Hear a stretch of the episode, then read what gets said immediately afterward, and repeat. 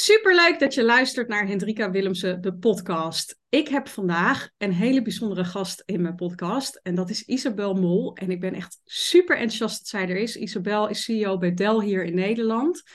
En ehm, eh, ja, ik ben echt, echt super enthousiast dat zij hier vandaag haar verhaal wilde gaan doen met mij. Uh, maar misschien is het leuk, Isabel, als we even beginnen met uh, iets over jou en dat jij dat zelf even vertelt.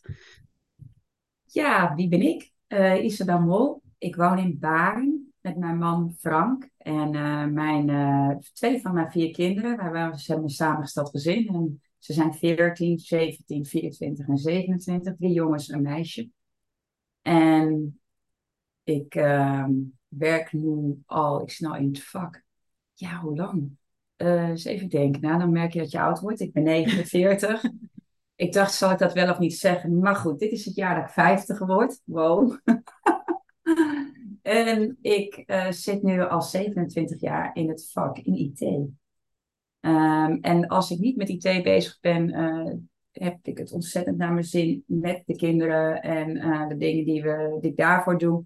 Maar ook vind ik het heel fijn om elke ochtend te beginnen met sport. Dus ik sta in principe vroeg op en begin met sport. Heerlijk. En dat is wel iets wat heel belangrijk voor me is. Want als ik dat tijdje niet doe, wat natuurlijk wel eens gebeurt, dan merk ik dat ik minder scherp ben. Ja, ja dat, oh, dat vind ik wel heel herkenbaar. Want ik ben ook echt een ochtendmens. En dan zo drie keer in de week ga ik eerst hardlopen. Ja.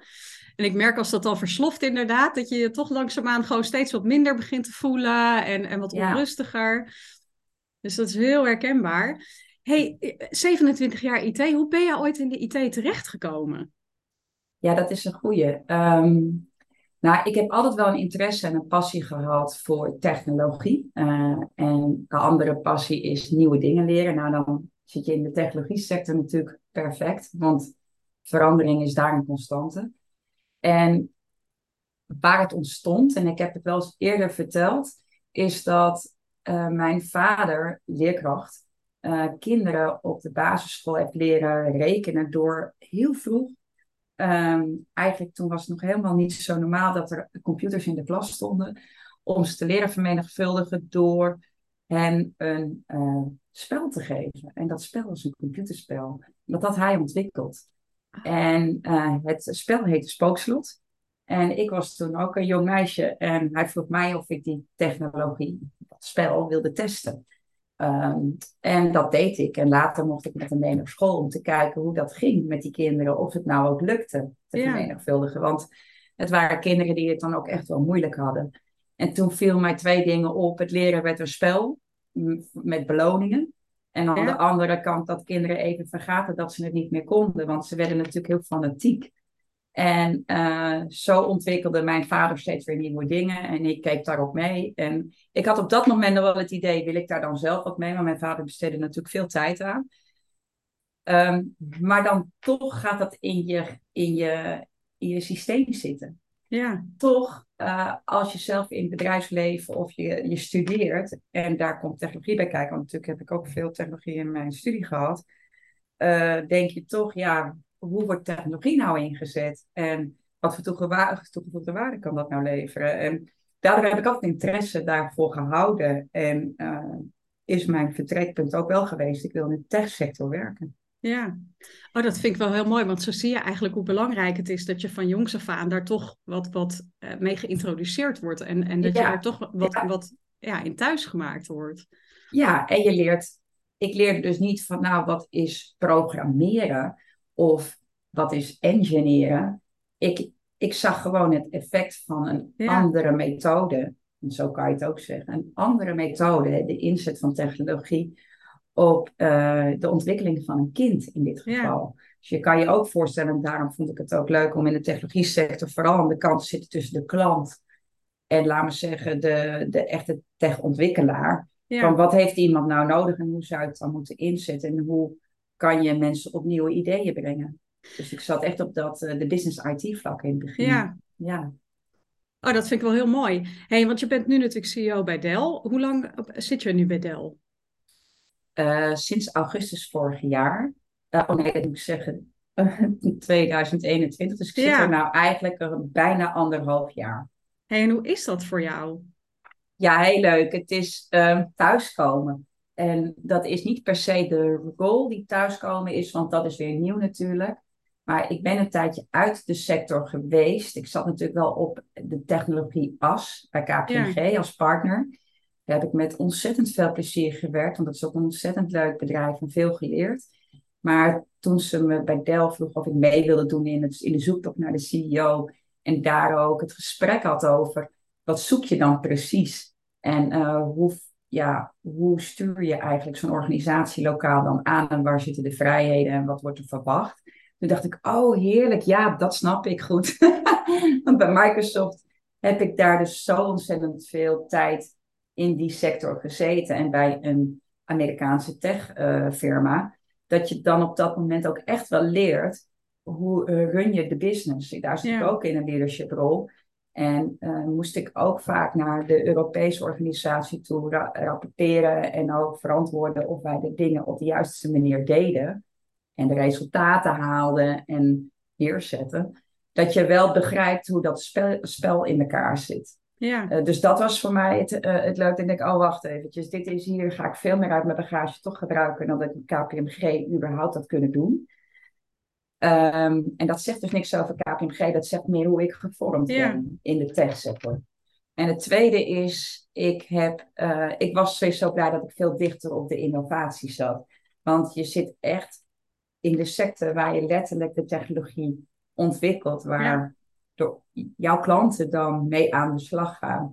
Um, en je krijgt ook dingen terug van klanten die je weer in je product wil verwerken. Ja. En dat maakt het zo leuk, vind ik. Je zit echt, uh, ja, je zit echt op, uh, je staat aan de wieg van dingen die je, uh, die je kan mogelijk gaan maken binnen, binnen de maatschappij. Ja. ja. Ja, wat mooi.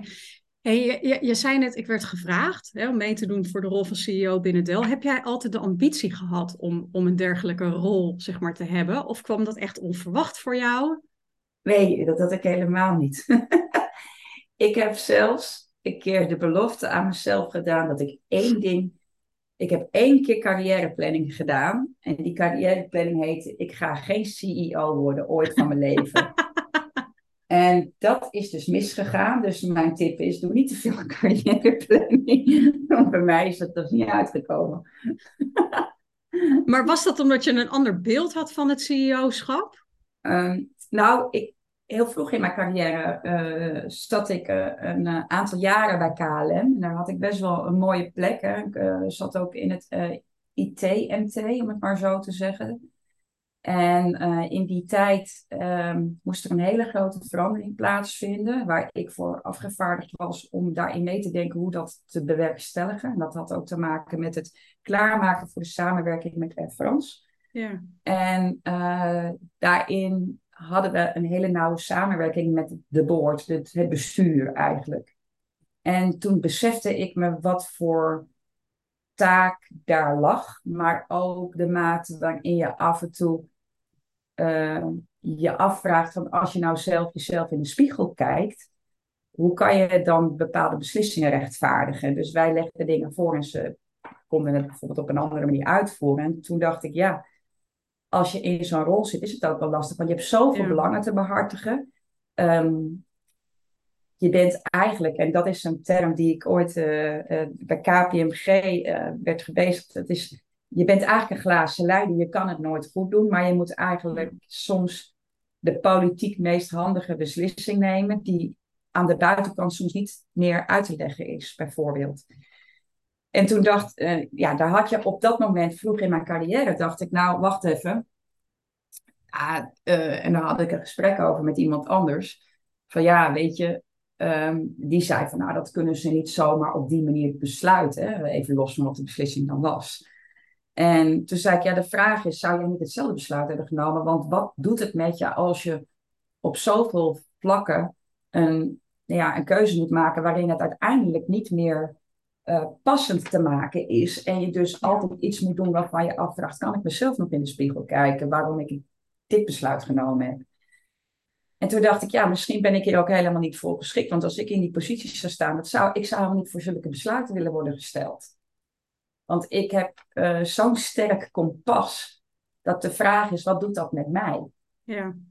Dat was op dat moment. Uh, toen dacht ik, nou, die belofte maak ik allemaal zelf. Ik denk dat prima een tweede man of in een leadership team kan zitten. Maar op het moment dat het allemaal, dat de, de zware beslissingen door jou moeten worden genomen, ben ik dan in staat om de roer recht te houden. En ik weet niet of ik uh, uh, dit soort lastige beslissingen wil nemen. Zeker niet in dit soort grote organisaties, waarin veel meer mensen ook nog iets vinden van die beslissing. Dus daar word je ook door beïnvloed. Ja. Dus dat was het eigenlijk toen op dat moment. Ik, dit, het is zo herkenbaar, want ik weet nog, ik heb natuurlijk ook een tijd bij wat grote bedrijven in de directiefunctie gezeten. En ik denk dat een van de redenen voor mij toen was om ontslag te nemen, was omdat ik me gewoon niet meer kon vereenzelvigen met, nou ja, met de keuzes die ik af en toe moest maken. Ja. En ik vond dat heel moeilijk. En dat is echt die spagaat waar je dan af en toe ingetrokken wordt. En het is ook heel moeilijk om het voor iedereen goed te doen omdat iedereen toch ook zijn eigen kijk daarop heeft. En je, je probeert dan zoveel mogelijk natuurlijk in het belang van de organisatie en van iedereen te denken. Ja. Uh, maar het brengt een hoop verantwoordelijkheid met zich mee. Ik denk dat heel veel mensen wel vaak de functie zien, maar eigenlijk niet zien wat er achter allemaal schuil gaat en wat ervoor gedaan moet worden of wat ervoor gelaten moet worden. Ja, het is heel anders dan dat je een business unit drijft. Hè? Dat is een deelverantwoordelijkheid. Maar als CEO ben je ervan. Ja. En dan kan nog steeds wel er een grote organisatie boven zitten, of een raad van commissarissen of belangenpartijen. Um, maar elke beslissing uh, moet heel doordacht zijn. Ja, ja. hey, wat is jouw grootste missie binnen Dell? Dat is een hele leuke, ja. De missie die ik binnen Dell heb is eigenlijk natuurlijk, uh, dat zal je niet verbazen, de vertaling van de wereldwijde missie die we hebben naar, het, ja. naar de lokale organisatie en naar, naar de lokale realiteit en context. En de missie van Is to drive human progress. Um, en als je dat ziet in het perspectief van vandaag, um, hebben wij natuurlijk te maken met een digitale transformatie die eigenlijk al op gang was voor corona een versnelling heeft gemaakt. En hoe zorg je er nou voor dat je zowel je eigen organisatie klaarmaakt om daarop voor te borduren, dat er ja. door die versnelling ineens andere behoeftes zijn bij de klanten en dus het gesprek op een andere manier wordt gevoerd. Um, dus ik ben eigenlijk ook met mijn human progress van mijn teams bezig. Ja. De tweede gaat over wetende als dingen zo veranderen, zie je ook dat, um, en dat spreek ik ook vaker uit, als je kijkt naar het verleden kon je letterlijk um, eigenlijk de, e-, de enige vendor zijn die met een klant kon werken. Het is niet helemaal waar, maar feitelijk kon je redelijk uh, in isolation, ja. was je in staat om een klant te uh, helpen. Om dit op deze manier nu te doen, zul je eigenlijk veel meer moeten nadenken in ecosystemen. En dat is natuurlijk, wordt ook vaker gezegd. Maar hoe zorg je ervoor dat je echt het collectief intellect aanzet? Ja. En de collectieve creativiteit. En dat is niet alleen in de diversiteitssfeer. Maar het mooie is als je met verschillende type bedrijven werkt, met verschillende DNA, kom je ook tot andere keuzes voor je klant, wat de klant het best vindt. Ja. En de klant vraagt daar ook naar, want het, het landschap wordt zo complex dat zij het ook niet meer kunnen overzien. Iedereen roept dan bij de klant. Dat doen wij natuurlijk ook. Ja, onze oplossing is de beste. Maar het helpt hen dus uiteindelijk niet om sneller te schakelen. En dat is de tweede as die er speelt. Um, en het derde as is leiderschap aan zich. En dat betekent dat als je naar een, uh, in deze tijd um, met ook de economische realiteit zit en de politieke realiteit, dat je eigenlijk na moet denken hoe bouw je een organisatie en zet je een organisatie neer die altijd in staat is om verandering te absorberen, te, op te vangen. Dus je organiseert voor constante verandering. En de grap is, als zij het kunnen, deze leiders bij mij en ook met de teams, dan kunnen ze dat ook overbrengen buiten met die klant. En snappen ze ook dat je het nooit alleen kan doen en dat je dat met het ecosysteem doet. Um, en dat vertrekpunt daarin is, in mijn optiek, is een, klinkt een hele simpele, maar dat is een hele lastige. En dat is eigenlijk, hoe bouw je nou teams waar je in een gedistribueerd leiderschap werkt? En dat betekent eigenlijk dat je verantwoordelijkheid lager in de organisatie neerlegt, waardoor het empowerment groter wordt. Maar daar moet vertrouwen voor terugkomen. En de vertrouwen moet men nemen. Het, de verantwoordelijkheid moet men nemen. En snappen dat ze die vertrouwen hebben gekregen. En aan de andere kant moet je sturen op vertrouwen. En dat is nog wel de lastigste, want dat komt met aanspreken. Ja. En je hebt niet de tijd om iedereen elke dag te vragen om dezelfde praktische dingen. Mensen moeten echt zelf terugkomen met: ik heb dit wel of niet gedaan, of het is wel of niet gelukt en hier heb ik hulp bij nodig. Ja. En, en dat zit ook in het nadenken over hoe je samenwerkt als een team. Ja. Uh, dus dat is uh, uh, het stukje leiderschap. En in dat leiderschap zit natuurlijk ook een context als hybride werken. En als je kijkt naar hybride werken, in mijn optiek, uh, zeg maar dat van, joh, je moet eigenlijk het individu meer ruimte gaan geven, want anders lopen ze misschien ook wel weg.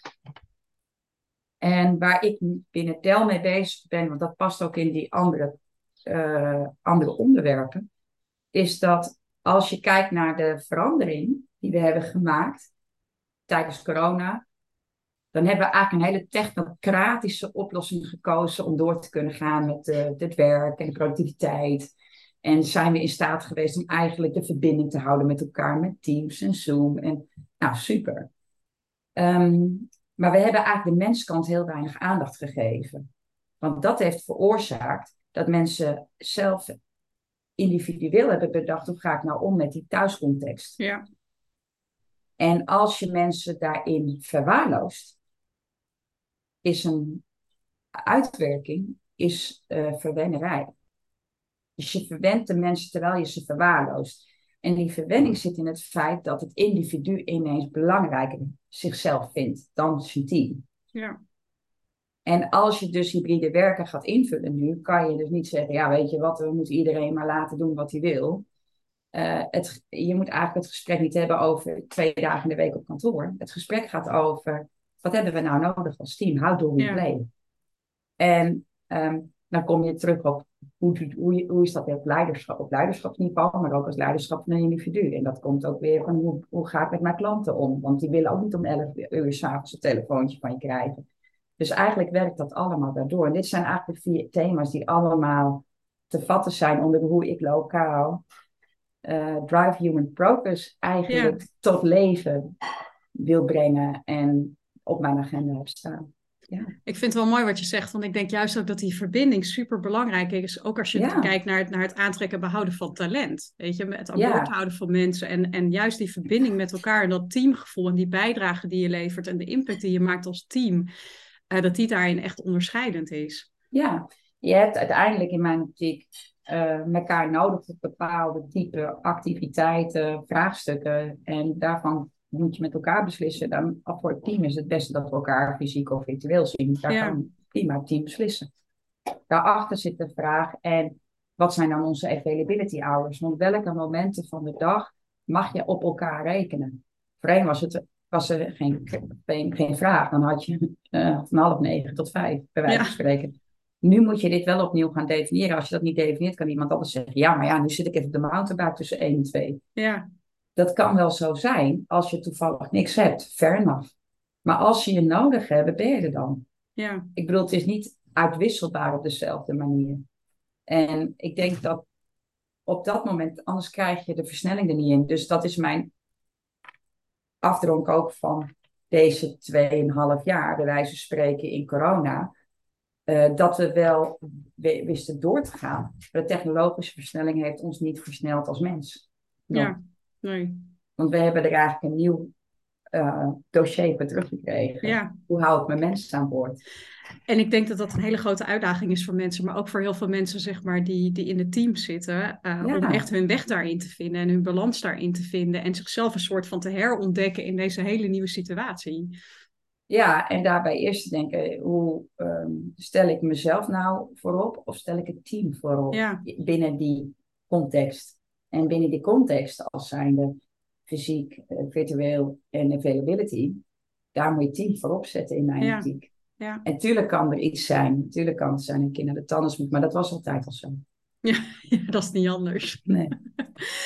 Hey, ik wil jou natuurlijk zeker even vragen naar uh, die Computable Award die jij onlangs gewonnen hebt voor CXO van het jaar. Die was oh, wow, dik ja. verdiend als je het mij vraagt. Uh, maar hoe was dat voor okay. jou? Hoe was dat om die te krijgen? Nou, ik had hem echt oprecht niet zien aankomen. Dus uh, de nominatie al niet. En uh, laat staan dat je hem wint. Um, want als je kijkt in het lijstje, uh, was ik omringd door echt prachtige profielen. Uh, die ook wat, soms ook wel een langer track record in een uh, CXO-rol hebben. Ja. Uh, je kan je afvragen of een partner bij KPMG een CXO-rol is, prima, maar laat het even del zijn. dus ik was, zeer, ik was zeer onder de indruk. En wat het met me deed, was dat ik twee. Er waren twee dingen die bij me opvielen. Eén was dat ik, normaal gesproken zou denken, je krijg, dan krijg je zo'n woord en dan doet dat iets met je als zijnde wauw. En uh, nou ja, dat zal zijn een beker in de lucht bij wijze spreken. Maar in dit geval werd ik er heel rustig van. En dat heeft denk ik te maken met uh, wat ik vertelde over dat ik geen CEO wilde zijn. Ooit. Uh, voor mijn gevoel was het een waardering waar, dat ik met de goede dingen bezig ben, dat ik dat op de goede manier doe. En um, op de een of andere manier had ik die, die rust misschien ook wel nodig. Dat je een soort van effect uit de markt krijgt. Dat je, ze zien dat je het op de juiste manier aanpakt. En ook je eigen teams, want er is natuurlijk ook door mijn teams gestemd. Maar ook door alle andere bedrijven waar ik voor gewerkt heb. Zo is zo massaal gestemd. Dat ik uh, ja, de manier hoe ik het doe, past bij hoe ik zelf naar mijn eigen kompas kijk. Zo voelde het voor mij. Ja. Um, en het tweede is, ik kan zoiets nooit van de grond trekken als het team en het niet gunt. Ik zit in mijn eerste jaar bij Dell op zo'n moment dat ik die award krijg. Dus dan was ik een jaar binnen. En zo'n eerste jaar is aftasten altijd met een totaal nieuw team. En dat betekent dus ook dat ik een grote steun heb gehad van mijn team. En uh, ja, dus wat dat betreft is het net zo'n groot team geworden. Ja. Ze hebben me gegund. Zonder de gunnen van je team ja. kan je als leader niet zoveel bereiken. Je moet de, de gunning van je team krijgen. Oh, dat vind ik wel heel mooi dat je dat zo zegt en zo ziet. Ja, ik geloof daar echt in. Als je team iets, jouw team jou iets gunt en jij gunt je team, het is natuurlijk een, is natuurlijk een, een wederzijdse kracht. Ehm, ja, dan ben je in staat om dingen te bereiken. Dan kan je dingen wegzetten, dan kan je dingen uitdelen als verantwoordelijkheid en taak en dat soort zaken. Anders, lukt dat, anders gaat je het niet lukken. Dan moet je overal bovenop zitten. Ja, Hey, ik ben heel benieuwd hè, voordat wij gaan afronden. Uh, want ik kan echt nog heel lang met je doorpraten. Um, maar ik ben echt super benieuwd. Hè, want enerzijds, je hebt, je hebt een heel mooi track record. Je hebt een hele mooie carrière opgebouwd. Je hebt ook een gezin. Uh, heb jij wel eens ervaren dat dat, dat dat uitdagend voor je is om dat te combineren? Um, nee, maar ik heb wel hele heldere keuzes gemaakt altijd. Ja. Um, want toen ik mijn eerste zoontje kreeg, uh, toen ben ik bewust uit een leiderschapsrol gestapt. En uh, hoe ging dat? Ik werkte toen in die tijd bij KLM in een leiderschapsrol. En ik werd bij Microsoft gevraagd of ik daar in de sales uh, een rol wilde spelen. En toen dacht ik, dat is misschien wel een goed idee. want A, ik ben wel nieuwsgierig ik ga niet mijn hele leven bij KLM blijven. Uh, Want ik wilde echt wel in de. Er waren een paar redenen voor. Uh, die te maken hadden met mijn passie voor technologie en de doorgroeimogelijkheden van. En toen dacht ik, nou laat ik deze, laat ik eens in gesprek gaan. En uh, dus toen mijn zoontje eigenlijk net, of die was denk ik één of zo, toen was ik, ben ik daar gaan werken. En had ik ook bewust even, dus toen mijn kinderen klein waren, even geen leiderschapsrol. Ja. En ik heb daar nooit van gedacht, ja, nou gaat mijn carrière achterop lopen. Nee, daar had ik heel veel balans en kon ik wel degelijk mezelf laten zien. Ja. Uh, maar ik had niet de stress van, het, laten we zeggen, de mate waarin je dienend kan zijn voor je team als leider. Want uiteindelijk, een leider is er om mensen te laten groeien. Terwijl ik mijn eigen kinderen even tijd nu even moet laten groeien en wil zien ontwikkelen. Dus daar heb ik een bewuste keuze op gemaakt. En je ziet ook dat dat niet een effect heeft op waar je staat ergens ooit in je carrière. Ik was er alles behalve als ik naar jou kijk. Ja, dus ik heb gewoon dat gedaan en dat heb ik met heel veel plezier gedaan. Maar dat is ook hoe ik in mijn carrière zit. Ik, ik denk nooit aan de volgende job. Ik denk altijd, wat vind ik in deze job leuk? En zit er genoeg in om mezelf, mijn passie en mijn talent te kunnen uh, ja, uiten en, en erin te kunnen leggen? En zitten er genoeg in wat ik daarin kan leren? En zijn er weer genoeg taken weg die ik eigenlijk toch niet zo leuk vond, dat ik dat wat minder heb? Ja. Ja, en zolang ik zo kijk, vond ik, kan je eigenlijk een carrièrepad vormen die ik achteraf kijk. Denk ik, ja, dit was een goede carrièreplanning, maar Ja. ik, heb- daar heb ik niet per se een carrière in gepland. nee. Mijn planning in de carrière was altijd, wat ik doe nu, vind ik het moet echt leuk zijn. ja. En als ik daar met veel plezier en passie in ga, kan ik altijd eh, daarna wel weer zien wat ik daarna ga doen. En dan komt vervolgens de volgende job aan bod. En bekeek ik daar weer op dezelfde manier naar. ja. Ja. Ja, dat is grappig. Zo heb ik ook altijd gekeken naar wat ik aan het doen was. Voor mij was echt de grootste afweging, vind ik dit leuk genoeg? Weet je, brengt het ja, mij genoeg plezier? Ja, Ja, ik dat- wel, ja, dat. En, en ik heb ook altijd gezegd, als ik een week niet lach, dan moet ik hoog nodig weer Nou, is dat nooit gebeurd. En eh, heb ik altijd wel weer dat iemand zei van, joh, heb je niet eens zin om is dit te overwegen? Dus dat is wel een luxe in, in mijn positie in dit geval Ja. dan. Maar eh, dan nog is het nog steeds een grote overweging. ja, Want eh, als je weet wat je hebt en ook al ga je dan neem bijvoorbeeld Microsoft, ja, dat is een topbedrijf natuurlijk ook om voor te werken. En dan vragen ze je bij KPMG. En op dat moment zat ik wel te denken, ja, wil ik nog binnen of buiten de next job nemen? Maar het is een, een grote stap hoor, zo'n. ja, En ik heb het gedaan omdat ik dacht, ja, weet je, no guts, no glory. en het was the time of my life ook daar. Ik moest heel veel leren, maar het, ja, het, ik zat ook in zo'n leuk team daar. Zulke leuke mensen. ja. Ja. Hey, laatste vraag hè, aan jou. Als er nou iets is wat je, wat je jonge, ambitieuze vrouwen zou mogen meegeven, wat zou je ze dan het liefst willen meegeven? Ja, als je de techsector in wil, hè, ehm, want je hebt passie voor technologie, technologie, technologie heeft iets voor je, dan moet je het gewoon doen. Dat is, is- dat is één. De tweede is, als je dan een baan vindt waarvan je denkt, ja, dat past bij mij, hè, of dat is een leuk vertrekpunt, dat kan het ook zijn natuurlijk. Voer die job dan uit als zijnde het feit dat je zegt, nou, ik ga er wat van maken als geen ander dat ooit deed. En daarmee wil ik zeggen, als je opstaat van de stoel, noem het het regisseurstoeltje van die job, dat ze denken, nou, die eh Aniek of eh, Marlijn, zo'n dame willen we weer hebben. Ja, Want als jij eh, die job met al je passie uitvoert, dan ziet iemand je. En Ja. gaat jou op het moment dat het daar, de tijd daar is, je weer voor iets anders vragen. Zo is het bij mij gebeurd. Daarom zeg ik ook al, mijn carrièreplanning kan ik in hindsight begrijpen. Dat heeft te maken met het feit dat ik altijd erg gefocust was op het nu. ja, Eh, want als je bezig bent met de volgende job, is je aandacht niet bij vandaag. En dat ziet iemand. En wat men mist in het zien, is dat ze zien dat je passie hebt voor wat je doet. En dat, je, eh, dat daar energie en, en eh, plezier zit. En als je dat laat zien, dan wil, wil iedereen bij zijn, want dat trekt aan. Dus twijfel niet aan jezelf, je kan het. Als je dicht bij je passie zit. En maak er dan iets prachtigs van. En laat zien dat ze de volgende, dat ze weer jou willen hebben. Ja, en dat is ook echt de kracht. Weet je, ik heb het altijd over de kracht van je netwerk en voor wat je opbouwt en voor wat je achterlaat. Weet je, het feit dat jij Ja. altijd gevraagd bent voor andere rollen is natuurlijk een enorm mooi compliment. Ja, daar zit een mega compliment in. Ja, En ja, ik zeg ook, het is mega luxe. Natuurlijk. nou ja, Eh, goed, het is ook iets waar je in geïnvesteerd hebt en wat je opgebouwd Ja. hebt. Weet je, dat zijn de credits voor je harde werken, voor Ja. je inzet. Ja, en het is geduld. Want Ja. kijk, die job komt misschien niet precies altijd na drie jaar. Of weet je wel, met sommige, je kan een fixed idea hebben dat je na twee jaar of iets moet hebben. Maar ik was dan bezig en nou, de ene keer zat ik vier jaar op een job, de vorige keer twee jaar, dan vijf jaar.